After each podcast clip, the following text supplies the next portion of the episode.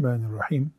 Elhamdülillahi Rabbil alemin. Ve sallallahu ve sellem ala seyyidina Muhammedin ve ala alihi ve sahbihi ecma'in. İnsanın aceleci olmaması, yumuşak huylu olması ve merhametli tavır sahibi olması dindarlığı ile çok yakın ilgili konulardır. Zira bu saydığımız şeyler teenni ile hareket etmemek, yani aceleci olmamak, yumuşak olmak, merhametli olmak, bunlar bir ahlak ölçüsüdür. İnsanda ne kadar ahlak olduğunu gösteren şeylerdir. Ahlak da imanla direkt ilgilidir. Bunun için Resulullah sallallahu aleyhi ve sellemin hadis-i şeriflerinde bu konular birinci dereceden Müslüman eğiten konular olarak önümüzde duruyor. Nebevi Riyazu Salihin'inde böyle bir başlık açmış. Yumuşaklık, teenni ve her işte Müslümanın kolaylaştırıcı olmasına yönelik bir tavır terbiyesi bakımından başlık bu. Önce ayetler var. Ali İmran suresinin 134. ayeti var. Onu bir önceki derste de okumuştuk. Tekrar okuyalım çünkü bunlar e, Allahu Teala'nın kullarını görmek istediği ahlakı tarif eden ayetlerdir. Salih hocam onları okuyalım. Allah'tan korkan kimseler öfkelerini yutarlar ve insanları affederler. Allah iyilik edenleri sever. Yani bir tefsire ihtiyacı olmayacak kadar açık. Allah'tan korkan kimseler öfkelerini yutarlar. Öfkeyi yutmak ne demek? Sinirlendin, sinirlenmekte haklısın ama o sinirlenmenin gereğini yapmıyorsun, bunu yutuyorsun. Bu üzerine de bir de affediyorsun. Allah bunu iyilik etmek kabul ediyor. Böyle yapan kulunu seviyor. E, peki kolay bir şey mi bu?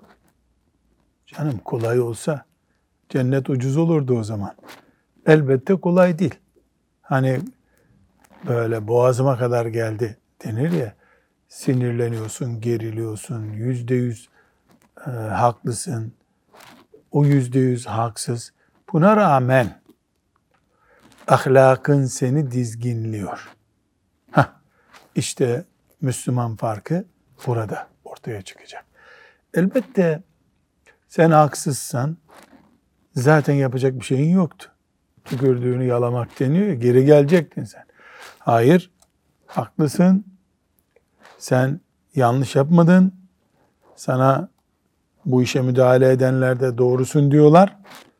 Ama Allah rızası için geri adım atıyorsun. Müslüman ahlakı bu. Evet. Ee, A'raf suresinin 199. ayetinde emri var Rabbimizin. Sen af yolunu tut. Af yolunu tut. Yani affeden ol. İyiliği emret ve kendini bilmezlere aldırma. Evet. Ne kadar güzel Müslüman ahlakı. Kendini bilmezlere aldırma. Burada bizim çok önemli bir gerçeği bilmemiz lazım. İslam şu anda devlet mekanizmasından topluma en üstten hükmetmek gücünden yoksundur. Değil mi? Böyle bir İslam iddiası yok. Bireysel Müslümanlık daha fazla yaşıyoruz. En büyük de buluşma yerimiz camiler. Camilerde Müslümanlığımızı elhamdülillah yapıyoruz ibadetler bakımından. Ama şöyle bir günü hayal etsek ki inşallah olacak. Yüzde yüz Müslümanız. Yüzde yüz dinimizin hükümleri cari. Yüzde yüz Kur'an ne derse oluyor. Buna rağmen bu görüntü, bu hayal ettiğimiz şeye rağmen kendini bilmezler toplumdan eksik olmayacak. Çünkü Müslümanlar ne kadar güzel bir toplum kurarsa kursunlar. Medine'de Resulullah sallallahu aleyhi ve sellemin kurduğu toplumdan daha güzelini kurabilirler mi? Kuramazlar. E bu ayet oraya hitap ediyor. Kendini bilmezleri aldırma diyor. Demek ki toplum beyazıyla siyahıyla, mavisiyle, kırmızısıyla, lacivertiyle, yeşiliyle renklerin toplandığı yerdir. Kısa boylu, uzun boylu, sinirli, sinirsiz, aç, tok, herkes var. Böyle bir toplumda Müslümanlık yaşayacağız. Dolayısıyla selamun aleyküm deyince ve aleykumus selam diyene de hazır olacağız. Sen selam verdiğinde nereden tanıyorsun beni, niye selam veriyorsun diyene de hazır olacaksın. Yani zıt kutuplar bir aradaysa ona toplum diyoruz. Müslümanlığımız hep Medine'ye gideceğiz, Mekke'ye gideceğiz. Herkes ihramlı, herkes birbirine e, incitmemek için yanaşıyor.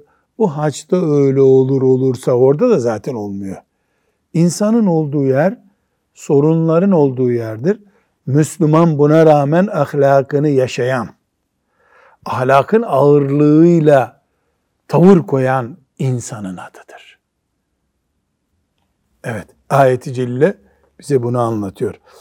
E, Fussilet suresinin 34 ve 35. ayetlerinin mealini okuyalım. İyilikle kötülük aynı değildir. Kötülüğü en iyi bir davranışla önle. Güzel. Yani allah Teala ne buyuruyor? Sana kötülük yapılıyor. Tam en iyisine cevap ver. Adamın seviyesi 5 bile değil, sen 15 hak, hak etmediği halde ver. Biz buna ne diyoruz? Onun layık olduğu değil, senin layık olduğun güzelliği göster. Senden bekleneni yap, onun hak ettiğini değil. O zaman aranızda düşmanlık bulunan kimsenin candan bir dost olduğunu göreceksin. Evet, böyle yapabilirsen. Bu mükemmel davranışı ancak sabredenler gösterebilir. Neye sabredecek? Karşılığını Allah'tan bulununcaya kadar sabredecek. Bu mertebeye ancak olgunluktan büyük payı olanlar erişebilir. Evet. Burada Rabbimiz bize e, bir ne söylüyor? Karşınıza e, eğri büğrü tavırları olan kimseler çıkacak, çıkabilir. Hazır olun. Bir. İki. Sen onun hak ettiği değil, senin seviyeni gösteren olgunlukla, olgunluğunda en güzeli ekstrasıyla muhatap ol. Karşılığını Allah'tan bekle sabret. Çünkü o beş paralık bir iş yapmıştı. Sen hak ettiğinden fazla iyilikle cevap verdin. Buna rağmen düzeltip kendisini ya o hakikaten ben hak etmediğim güzelliği sen bana gösterdin demeyecek demek ki. Sabredeceksin sen. Yani kötüyü iyiliğinle boğacaksın. Bu da ancak Allah'ın kullarına vaat ettiği şeylerin gerçekten ne kadar güzel olduğuna iman eden, cennet uğruna her şeye katlanmaya değer diyebilen kullarının başaracağı iştir. Demek ki ahlaklı olmak o kadar da kolay bir şey değil. O kadar da kolay değil ahlaklı olmak. Evet, burada Şura suresinin 43. ayetinden bir parça var. Onu da okuyalım. Kim sabredip bağışlarsa bu ancak büyüklerin yapabileceği değerli bir davranıştır. İnne zâlike lemin azmil umur. Evet, sabrediyorsun, bağışlıyorsun. Bunu ancak kim yapabilir? Büyükler. Nedir büyükler? Boyu büyükler mi? İmanı büyümüş, yüreğinde iman kök salmış insanlar bunu yapabilirler. Şimdi bu ayetleri okuduk hem önümüzdeki hadis-i şerifleri anlamamıza da yardım etsin. Yani yumuşak olmak, acele edip kötü karar vermemek, faziletli davranmak, e, merhametli hareket etmek, esnek kimlikli olmak. Peki bunlar nerede olacak? Mahkemede e, insan öldürmüş, cinayet işlemiş kimselere karşı mı olacak? Hayır. Bir, evde. Ev bireylerine karşı. Eşler, ebeveyn, çocuklar birbirlerine böyle davranacaklar. İki, hısımlar arasında, arkadaşlar arasında, yani çevremizde böyle olacak. Üç, insan olarak bulunduğumuz her yerde böyle olacak. Ama mesele kanun olduğu zaman, toplumun huzuruyla, kanun ihla, ihlaliyle ilgili bir sıkıntı olduğu zaman, orada öyle yumuşak davrandın mı, toplumu ifsad edersin. Yani Allahu Teala'nın diniyle ilgili e, kurallardan biri çiğnenmiş. Hırsız gelmiş, kumarbaz gelmiş, katil gelmiş. Ona orada insan hakları, merhamet diye bir şey olursa hırsızlığa prim verirsin. Kumara prim verirsin. Kanun orada tam uygulanmalı. Tam uygulanmalı ki toplumun huzuru teminat altında olsun. İnsan yani feragatı, fedakarlığı kendisine ait şeylerden yapmalı, toplumdan yapmamalı. Şimdi tam aksi oluyor değil mi? Yani iş caniye geldi mi insanlar asılmasın, edilmesin, kesilmesin, dövülmesin. Ya neredeyse hırsız olup karakolda keyif sürmek var yani öyle bir dönem oldu. E kendi çocuğuna geldi mi nefretin bini bir lira. Yani o zaman yıldırım çakıyor adamın gözünden. E asıl Müslümanın yapacağı iş kendi çocuğuna karşı bu merhameti göstermek. Yani merhamet, böyle esneklik, yumuşaklık yani senin çocuğuna karşı, arkadaşına karşı, eniştene karşı, kayınçona karşı, e, kayınpederine karşı, damadına karşı yapacağın şeylerdir. Bizim bireysel imtihanımız bunlar. Toplum en ciddi kurallarla yönetilmeli. Aksi takdirde toplumun yani ucu alınmaz bir felakete sürüklenmesine sebep oluruz maazallah. Ama bütün bunları haydi bugünden itibaren yapalım diye karar vermekle olmuyor. Lemin azmil umur. Bunu büyük adamlar yapar. Demek ki ahlaki işleri yapabilmek Müslümanca büyümek demektir. Evet. Burada ben Hafız Salih notlarımıza yazalım bunu. Allah onlardan razı olsun. Ashab-ı kiramı tanıtırken mesela Doktor Muhammed küçük çocukları var. Şimdi görür gibiyim de yani suizan da yapmayayım ama ondan önce de gördük doktorlar işte çocuklarına nasıl İslam öğretiyorlar, ashab-ı kiramı öğretiyorlar. Şimdi e, mesela 10 yaşına geldi kızı. Ona ashab-ı kiramı tanıttın mı dediğimde e tabi tanıttım diyecek. Hadi ashab-ı kiramı nasıl tanıttın? Şu çocuğa ashab hakkında ne bir verdik diye bir geçmişe dönme imkanımız olsa. Sen 10 senedir bu çocuğa ashab-ı kiramı sevdiriyorsun. Şahidiz ki hakikaten de sevdiriyor. Evine gittiğimizde de baktık ki ashab-ı kiramdan konuşuluyor. Ne yazık ki ashab-ı kiram deyince ilk akla gelen nedir? Kılıç. Hazreti Ali'nin kılıcı böyle kocaman. Ömer radıyallahu anh bir tokat vurdu adama. Savaşta müşrikleri bir doğradılar. Vurdu, kırdı, bağırdı. Devenin üstüne sıçradı. O deveden başka bir deveye sıçradı. Kahramanlık olarak hep ne? Bilek. Tamam ashab-ı kiramda bunlar var. Allah onlardan razı olsun. Peki bu ayetlere muhatap olup en ağır hatalarını bile çocuklarının affedenler kimlerdi? Yani ashab-ı kiramın insancıl boyutları, ahlaki boyutları o kılıçlarından daha fazla.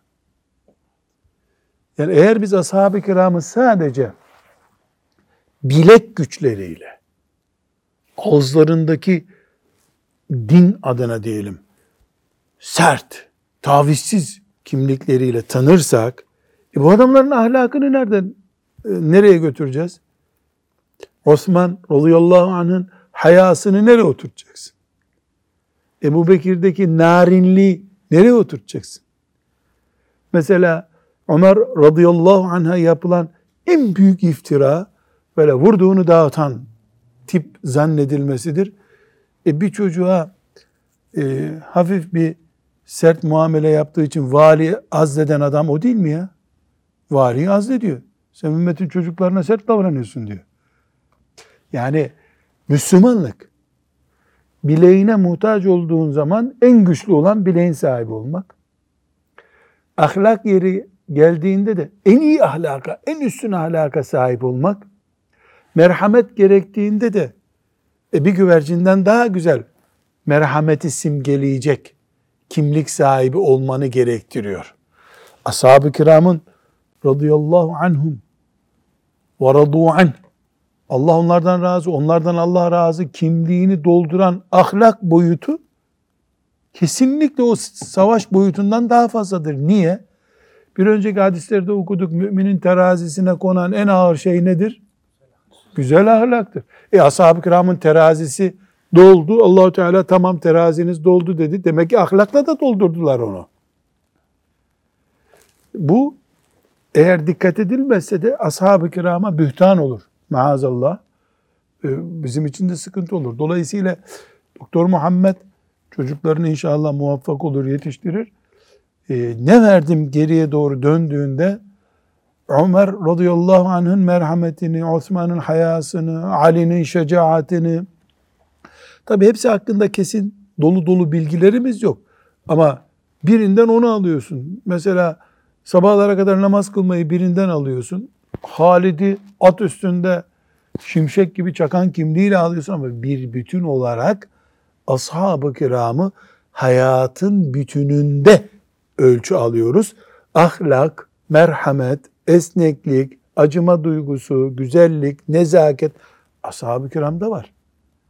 Bunları sadece kahraman olarak Peygamber sallallahu aleyhi ve sellemin etrafında kılıç kullanan, mızrak kullanan, ok atan kimseler olarak gösterilmesi gayet yanlış bir şey. Hayır, ashab-ı kiram şu ayetlerde bahsedilen ve biraz sonra okuyacağımız nezaketleri uygulamış insanlar. Üstelik de Abdullah Hafız bunu da not al sen. Üstelik de el e'rabu eşeddu küfren ve nifakan. Kaba sabalıkta daha ağır bir bedevi oldukları halde bu güzel ahlak uyguladılar. Yani zaten beyefendi, nazik insanlar topluluğu değildi ki Efendimiz sallallahu aleyhi ve sellem'den iki gün nasihat dinleyince öyle oldular. Hayır. Kaba, sert, haşin adamlardı çoğu. Arabi olanlar. Yani bedevi, dağ adamı, çöl adamı olanlar. Onlar bile bu güzel ahlakın sahibi oldular. Müslümanlık böyle bir şey. Şehirde de, köyde de, sahrada da, dağda da, bayırda da, nerede yaşarsan yaşa, nazik insansın. Ciddi olmak nazikliğe engel değil. Ömer radıyallahu anh ciddi adamdı. O ciddiyetini hep biz tutuyoruz. Ama ahlaklı bir Müslümandı. Narin bir Müslümandı. Kul hakkından korkuyordu. insan incitmekten korkuyordu. Çünkü Allah'a imanı vardı. Hesap vereceğini düşünüyordu. Allah'tan korkan affeder diyordu değil mi? Ömer onun için affetti. Evet. Bu notu aldık değil mi hafız? Bu önemli. Ashab-ı kirama karşı bühtan etmiş oluruz aksi takdirde. Hep böyle vurup dağıtan bir asker ordusu değil onlar. İnsani duyguları, ahlakları, merhametleri bugün kimseyle kıyas edilemeyecek güzellikteler. Allah onlardan razı olsun. Şimdi bununla ilgili 5-10 hadis-i şerif var. E, farklı bir şekillerde. Bunları hızlı bir şekilde okuyalım. İnşallah istifade etmeyi de Rabbim nasip eder. 633. hadis-i şerifteyiz değil mi? Evet. Okuyalım. İbn Abbas radıyallahu anhuma'dan rivayet edildiğine göre Resulullah sallallahu, Sallallahu aleyhi aleyhi ve ve sellem sellem. Abdülkays oğullarından eşecce sen de Allah'ın sevdiği iki özellik vardır. Eşedc adamın adı. Sahabinin adı radıyallahu anh. Sen de Allah'ın sevdiği iki özellik vardır. Bunlar yumuşak huyluluk ve ihtiyatkarlıktır buyurdu. Yumuşak huyluluk ve ihtiyatkar. İhtiyatkar biraz herhalde Türkçesi zor bir kelime değil mi? Aceleci olmamak. Teenni diyoruz biz buna. Tedbirli. Oh güzel. Anadolu'da tedbirli. Evhama düşmeyecek şekilde tedbirli. Daha güzel. Bu tedbirli kelimesi ama hocalarımız ihtiyatkar diye tercüme etmişler. O daha tam e, teenni kelimesinin karşılığı oluyor. Efendimiz sallallahu aleyhi ve sellem Eşedc isimli sahabiye sen Allah seviyor bu huyunu diyor. Nedir o? Yumuşaksın. Yumuşak insan. Savaşta değil ama. Nerede yumuşak? Evinde yumuşak. Evinde yumuşak. Kanuna karşı değil. Kendi hakkına karşı yumuşak. Ve tedbirli insan. Paldır küldür hemen aklına geleni yapmıyor.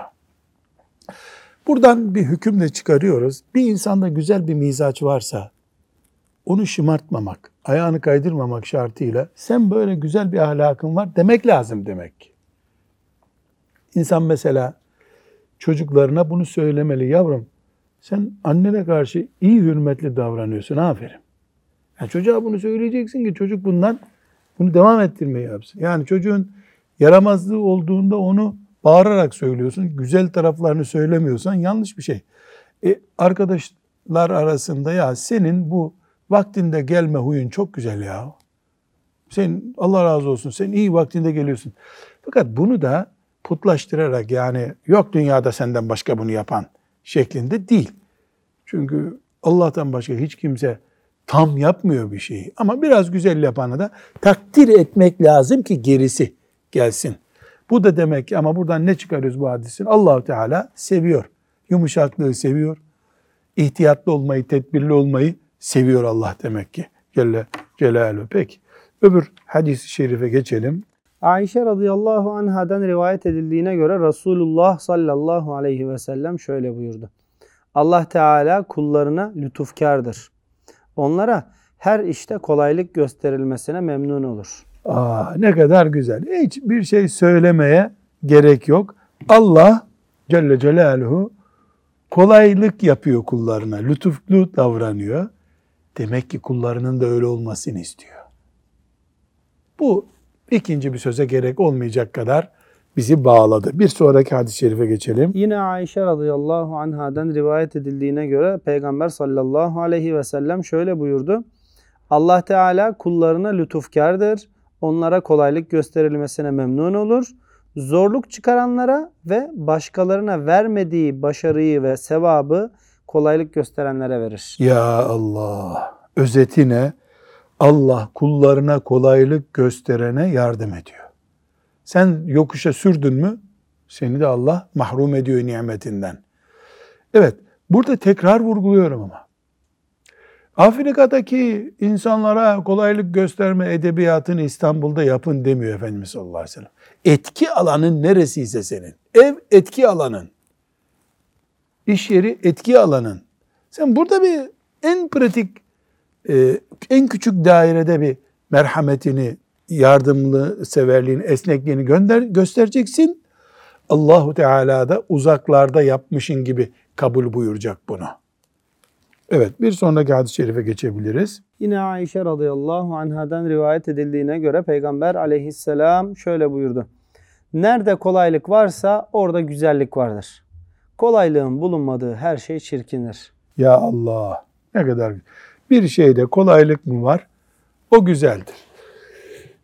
Burada tabii ki kanuna karşı kolaylaştırmak değil, Allah'ın haramlarına karşı kolaylaştırma değil, e, namazı dört rekatı, üç rekata indirip kolaylaştırmak değil. Ama hastaya oturma izni veriyorsa Allah e, namazda otur. O kolaylık işte. O kolaylık. Ama sen namazı e, dört rekat zor oluyor, ikiye indirelim diye dinle oynamak yok. allah Teala ne buyuruyor? Farzları sizden istiyorum. Namazın sünnetlerini, nafilelerini kılsanız sevap yazarım diyor. Bugün başım çatlıyor, migren oldum maazallah. E, kılamadım sünnetleri. Dert etme. E, allah Teala kolay olanı tercih ediyor. Dinden taviz vermiyorsun sen zaten. Gibi. Böyle bakıyoruz buna. Evet. Bir sonraki hadis-i şerife geçelim. Ebu Hureyre radıyallahu anh şöyle dedi. Bedevinin biri Mescid-i Bedevi, Bedevi kime diyoruz? Şehir görmemiş, medeniyet görmemiş. Biz ona dağlı diyoruz değil mi?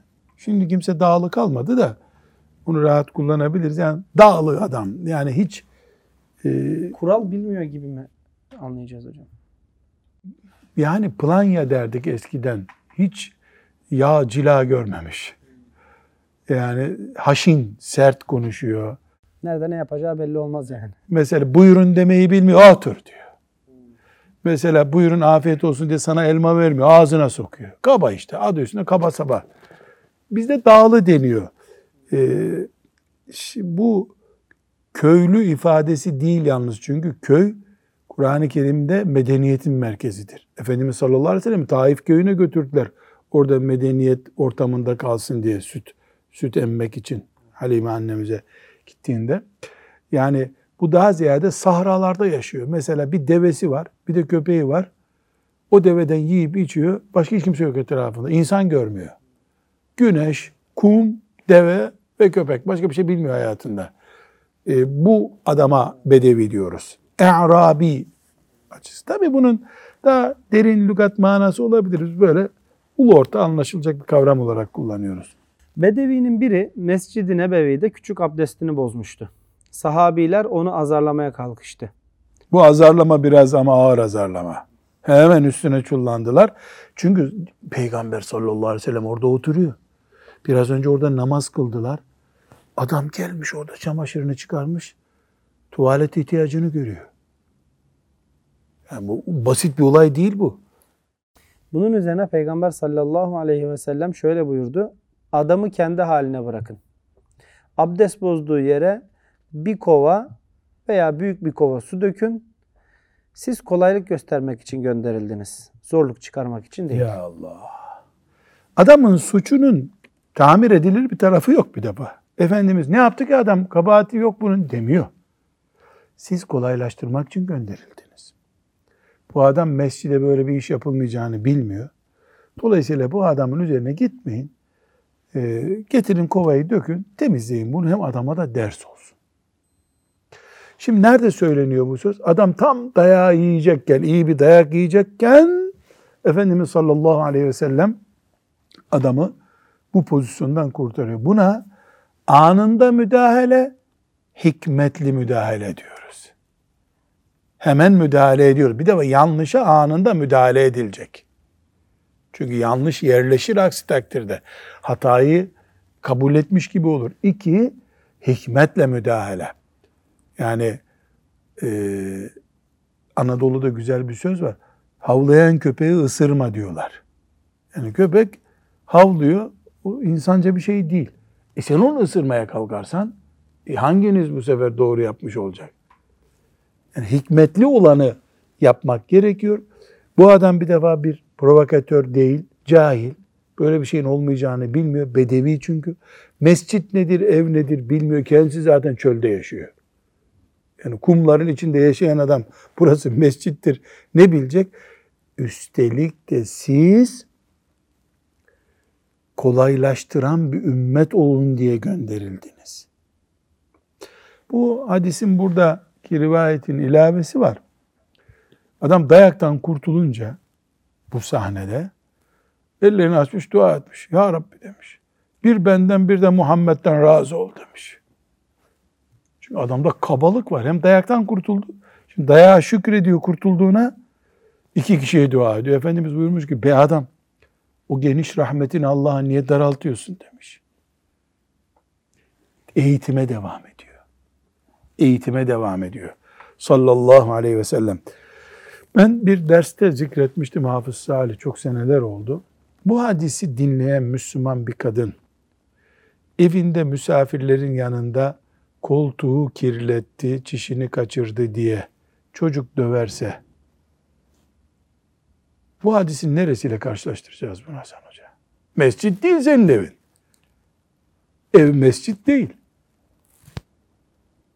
Sonra bu küçük çocuk 60 yaşında bir bedevi de değil.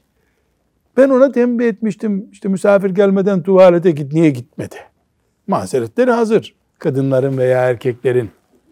Ya da mesela işte baba arabasıyla misafirliğe gidiyor. Çocuklara simit alıyor. Çocuklar arabada simit yiyorlar. Sonra tam arabadan inecekleri zaman baba bakıyor ki koltuk hep simit susam olmuş.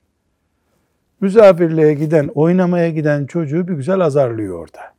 Bu peygamberin hadisi nereye gitti? Ne yapacağız? Müslümanlık sadece hacca gitmek dini mi? Onun için kat etmemiz gereken çok yol var. Öyle Afrika'da şunu yaptılar, bunu yaptılar. Hacılar Afrika'dan gelince ayağımı bastılar demek kolay. Bu verdiğim örneklerin yüzlercesini tanıyoruz evlerimizde biz. Yabancı değil bize. Ahlak burada belli olacak. Ehli sünnet olduğumuz yani Resulullah sallallahu aleyhi ve sellemin sünnetine ehliyetimiz olduğu burada ortaya çıkacak. Hiçbir şey olmamış gibi e, misafir gidince temizlersin. Oldu bitti. Hatta misafirler rahatsız olmasın diye çaktırmazsın üstüne bir minder korsun. Misafirin çocuğu mesela böyle bir şey yaptı. Eyvah bütün ikramlar her şey durdu. Operasyon müdürlüğü hemen devreye girdi. Bunlar e, İslamiyet'in e, henüz tam hazmedilemediğini gösteriyor. Namaz kılmayı kimden öğrendik biz? Resulullah sallallahu aleyhi ve sellem'den. Peki camiye bevleden işeyen çocuğun, adamın terbiye sistemini nereden öğrendi? Öğreneceğiz. Sallallahu aleyhi ve sellem. Kaldı ki cami değil bizim evimiz. Okulumuz. Rabbimden bize bu işleri kolay etmesini dileriz. Evet bir sonraki hadis-i şerife geçelim. Enes radıyallahu anh'ten rivayet edildiğine göre Peygamber sallallahu aleyhi ve sellem Sallallahu aleyhi şöyle sellem. buyurdu. Kolaylaştırınız, zorlaştırmayınız, müjdeleyiniz, ürkütmeyiniz. Evet. Emri hazır. Kolaycı olacaksınız. Zorlaştırmayacaksın. Müjdeleyeceksin. Ürkütmeyeceksin. Önce evde. Sonra etkili ve etkili olduğun yerde. Evet devam edelim hadis-i şeriflere. Cerir İbni Abdillah radıyallahu anh Resulullah sallallahu aleyhi ve sellemi sellem. şöyle buyururken dinledim demiştir. Yumuşak davranamayan kimse bütün hayırlardan mahrum kalmış sayılır. Yumuşak davranamayan kimse bütün hayırlardan mahrum kalmıştır. Evet. İlave edecek bir söz var mı buna? Yani ağla sen, sertliğine ağla. Fakat burada gençler ciddiyet başka bir şey. Yumuşaklık başka, ciddiyet başka. Yani insan yumuşak olacağım diye laçka bir Müslüman da olmaz. O başka bir şey. E, bu ne? Disiplinli olacaksın. Yumuşak ve merhametinle disiplini devam ettireceksin. Zor olan bu zaten.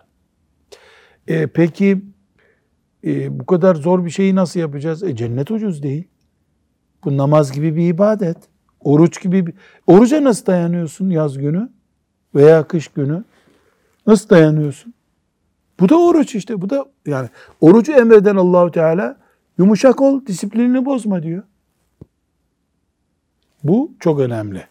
Bir sonraki hadis-i şerife geçelim. Burada önemli notlar var. Ebu Hureyre radıyallahu anh'ten rivayet edildiğine göre Çok bir adam dikkat ediyoruz bu hadis-i şerife. Evet. bir adam Peygamber sallallahu aleyhi ve selleme bana öğüt ver dedi. O da kızma buyurdu. Kızma. Yani sinirlenme. O zat isteğini birkaç defa tekrarladı. Tekrar bana öğüt ver ya Resulallah dedi. Resul-i Ekrem sallallahu aleyhi ve sellem de her defasında kızma buyurdu. Kaç kere olduğunu bilmiyoruz. Bu adam kaç kere sordu bunu ama belli ki bir üç kere sordu herhalde. Üç kere veya üç defadan da fazla sormuş olabilir. Hepsinde sallallahu aleyhi ve sellem ne cevap vermiş? Kızma. Bana nasihat et ya Resulallah kızma. İkinci, üçüncü soru şu da adamın neyi gösteriyor? Tam kızmaması gereken bir adam oldu. Efendimiz sallallahu aleyhi ve sellemin sözünün isabet ettiğini gösteriyor. Çünkü adam sana peygamber kızma diyor. Tamam gitsene.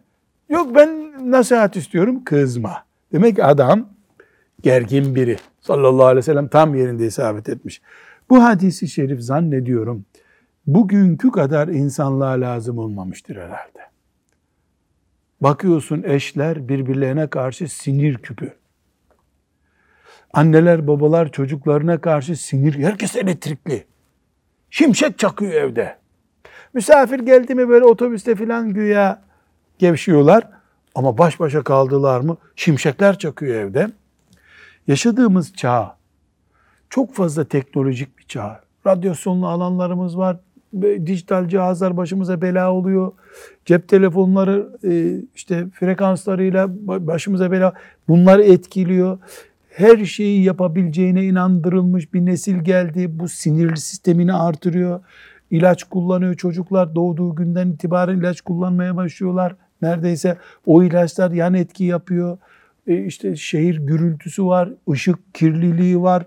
Bunlar hep nimet gibi duruyor. Beraberinde sorunlar getiriyor. Zannediyorum bu dönem kadar insanlık antidepresyon e, ilaçlar kullanmak durumunda kalmadı herhalde. Çünkü kullandığın ilaç ayrı bir sorun üretiyor bu sefer. Yani şöyle bir rahatlamak için çay içiyorsun, çay uygusuz bırakıyor. Uygusuz olunca ertesi gün e, bir sinir bozukluğu oluyor. Her halükarda bu hadisi şerif emrediyor. Bu daha önce biz bunu 46, 47, 48, 49. hadisleri okurken ta en başlarda bunu elhamdülillah o zaman geniş bir şekilde okumuştuk ama şimdi de hulasa etmekte fayda var. İnsan sinir sistemine hakim olmalı. Sinir sistemine hakim olamıyorum. O sistemin bozulmasına neden olan ortam ve olaylara hakim olmalısın. Hemen doktora gitmeye gerek yok. Belli ki e, bu ışık kirliliği sende sinir sistemine neden oluyor. Çok ışıklı bir yer, radyasyonlu bir yerdesin. E, ses, gürültü var. E, gıdan etkiliyordur seni. Çok e, fazla tahriş edici gıda kullanıyorsundur. Ne bileyim herkes bir sebebin oluyor. Yani doktora bana ilaç ver demeden önce uygun ortam öner bana demeli doktora insan. Yani tıp bir mekanizma geliştirmeli. İnsanlara nasıl şu gıda, e, şu işte şeker üretiyor falan diyorlar. Uygun hayat ortamını da tavsiye etmeliler. Tabi bu sefer cep telefonundan uzak durun diyecekler. Kendisi de telefon kullanıyor. Bilmiyorum yani insanlık ürettiği şeyleri sorunsuz üretemiyor ne hikmetse. Ama buna rağmen Efendimiz sallallahu aleyhi ve sellemin tavsiyeleri var tabi. Birincisi pozisyon değiştirmeli insan. Mesela ne buyuruyor? Yürüyorsan bir otur. Oturuyorsan kalk on adım yürü. Yani aynı pozisyonda olmak ısın, balata ısınması gibi bir sonuç oluşturuyor. İkincisi sus. Alimlerin tavsiyesi bu. Sus. Sinirlenince sus. Aç camı dışarı bak. Veya yüzüstü yat, ağzını kapat. Sus. Çünkü konuştukça gaz döküyorsun. Gaz veriyorsun oluyor. Üçüncüsü hemen Allah'a sığınacak iş yapmak lazım. Bu Allah'a sığınacak iş nedir? Abdest al. Euzu billahi mineşşeytanirracim de ayetel kürsi oku, Fatiha'yı oku. Üfle avucuna, yüzüne, gözüne sür. E, git bir duş al. Yani Allah'a sığın, manevi olarak sığın, maddi olarak sığın ve insan şunu bilmeli. Şu sinirli pozisyonu zararsız atlatırsam Rabbim bana sevap yazacak. Bu bir cihat benim için. Bu şuurda olmalı insan. Ve son olarak da Efendimizin açık emri var. Sinirlenen bir şeye karar vermeyecek. Karar vermesi yasak ona. Sinirlenen karar vermeyecek. Yani öğretmensen puanını yazma çocuğun. Babaysan tam ağzını açıp sana şöyle yapacağım diye çocuğa deme. Sakinleş bir saat sonra kararını o zaman ver. Evet bu hadis-i şerif bunları hatırlamamıza vesile oldu. İnşallah da muvaffak oluruz uygulamasında. Evet bir örnek daha var. Onu da okuyalım Hafız Salih. Ebu Ya'la Şeddad İbni Evs radıyallahu anh'ten rivayet edildiğine göre Resulullah sallallahu, sallallahu aleyhi ve sellem şöyle buyurdu.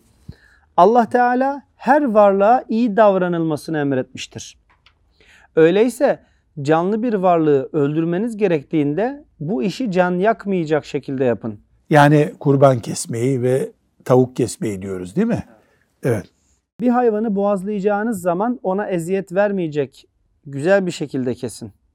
Bu işi yapacak olan kimse bıçağını iyice bilesin, hayvana acı çektirmesin. Yani konumuz hayvan nasıl kesilir değil bu hadiste yani orada bile keskin olmayan bıçakla hayvan kesip hayvana eziyet etme. Halbuki hayvan ölüyor olsun. Orada da iyi iş yap. Allah Teala iyi ve kalite. İyi ve kalite iki şey istiyor kullarından. İhsan ve itkan iki kelime burada. Hadis kavramı. Allah ihsan ve itkan iyi ve kalite. İyi ve kalite. Bu iki hedef Müslümanın artı eksi kutubu gibi olmalı gözünde. İnsan kendine karşı iyi ve kaliteli iş yapacak. İnsan ebeveynine, çocuklarına, arkadaşlarına, çevresine ruh taşıyan herkese iyi ve kaliteli iş yapacağız. Devam edelim. Ayşe radıyallahu anha şöyle dedi. Resulullah sallallahu, Sallallahu aleyhi ve sellem. iki şeyden birini yapma konusunda serbest bırakıldığı zaman günah olmadığı takdirde mutlaka onların en kolayını seçerdi. Yapılacak şey günahsa ondan en uzak duran kendisi olurdu. Allah'ın yasakları çiğnenmediği sürece şahsı adına hiçbir şeyden dolayı intikam almamış, Allah'ın yasağı çiğnenmişse onun cezasını mutlaka vermiştir. Efendimiz'i tanıtıyor anamız radıyallahu anha. İki iş yapma imkanı var. Kolayını yapıyor. Ama ikisi de yapılabilir. Alkol almak veya almamak da e, kolayını yapıyor. Öyle değil. Yani ölümlerden ölüm beğenmiyor. Alternatif iki iş var. Mesela uçakla gidebiliyor hacca, otobüste gidebiliyor. İki seçeneği verdi. Efendimiz hangisiyle giderdi Salih? Uçakla. Niye? Kolay o çünkü. Kolay. Mesela bu ödevi çocuğa veriyorum. Bir günde yap getir demem de mümkün. Okul kapalı nasıl olsa iki günde de yap getirdi. Hangisini yaptırırdı çocuğa? İki gün. İki günü yaptırırdı. Böyle. Yoksa yani Efendimiz sallallahu aleyhi ve sellem siyahla beyazı seçiyor değil. İki olur renkten tatlı olanını tercih ediyor. Müslümana da bunu emrediyor mu? Ediyor. Bu din, din işlerinde, dünya işlerinde fark ediyor mu? Yok. İbadette de böyle. İbadette de böyle. Mesela Efendimiz sallallahu aleyhi ve sellem 3 ay ard arda hiç oruç tutmadı. Ayşe anamız hiç tutmadı böyle diyor. Evet tutabilir mi? Tutabilirdi. Kolay olanı tercih etti. Şaban ayının sonunda bıraktı orucu. Ramazan'a hazırlık yaptı. Müslüman bütün hayatında böyle bir ölçü kurabilir mi? Kurabilir. Son hadis-i şerif var. Onu da okuyalım. İbn Mes'ud radıyallahu anh'ten rivayet edildiğine göre Resulullah sallallahu aleyhi ve sellem şöyle buyurdu. Cehenneme kimin girmeyeceğini veya cehennemin kimi yakmayacağını size haber vereyim mi? Kim girmez cehenneme? Cana yakın olan, Cana yakın, sempatik Müslüman, herkesle iyi geçinen, herkese iyi geçinen, yumuşak başlı olup insanlara kolaylık gösteren kimseleri cehennem yakmaz. bu ahlak çünkü bunlar iyi mümin ahlakı. İyi ahlakı olan mümin de cehenneme girmez. Ama burada çok hac eden, çok zekat veren, çok cihad eden demiyor. Bunları yapar zaten mümin. Ama yumuşak başlı, sempatik mümin olmak zor olabilir birisi için. Bunu da yaptı mı cehennemden kurtuldu demektir. Demek ki ahlak cehennemden de kurtarıyor. Sallallahu ve sellem ala seyyidina Muhammed ve ala alihi ve sahbihi ecma'in velhamdülillahi rabbil alemin.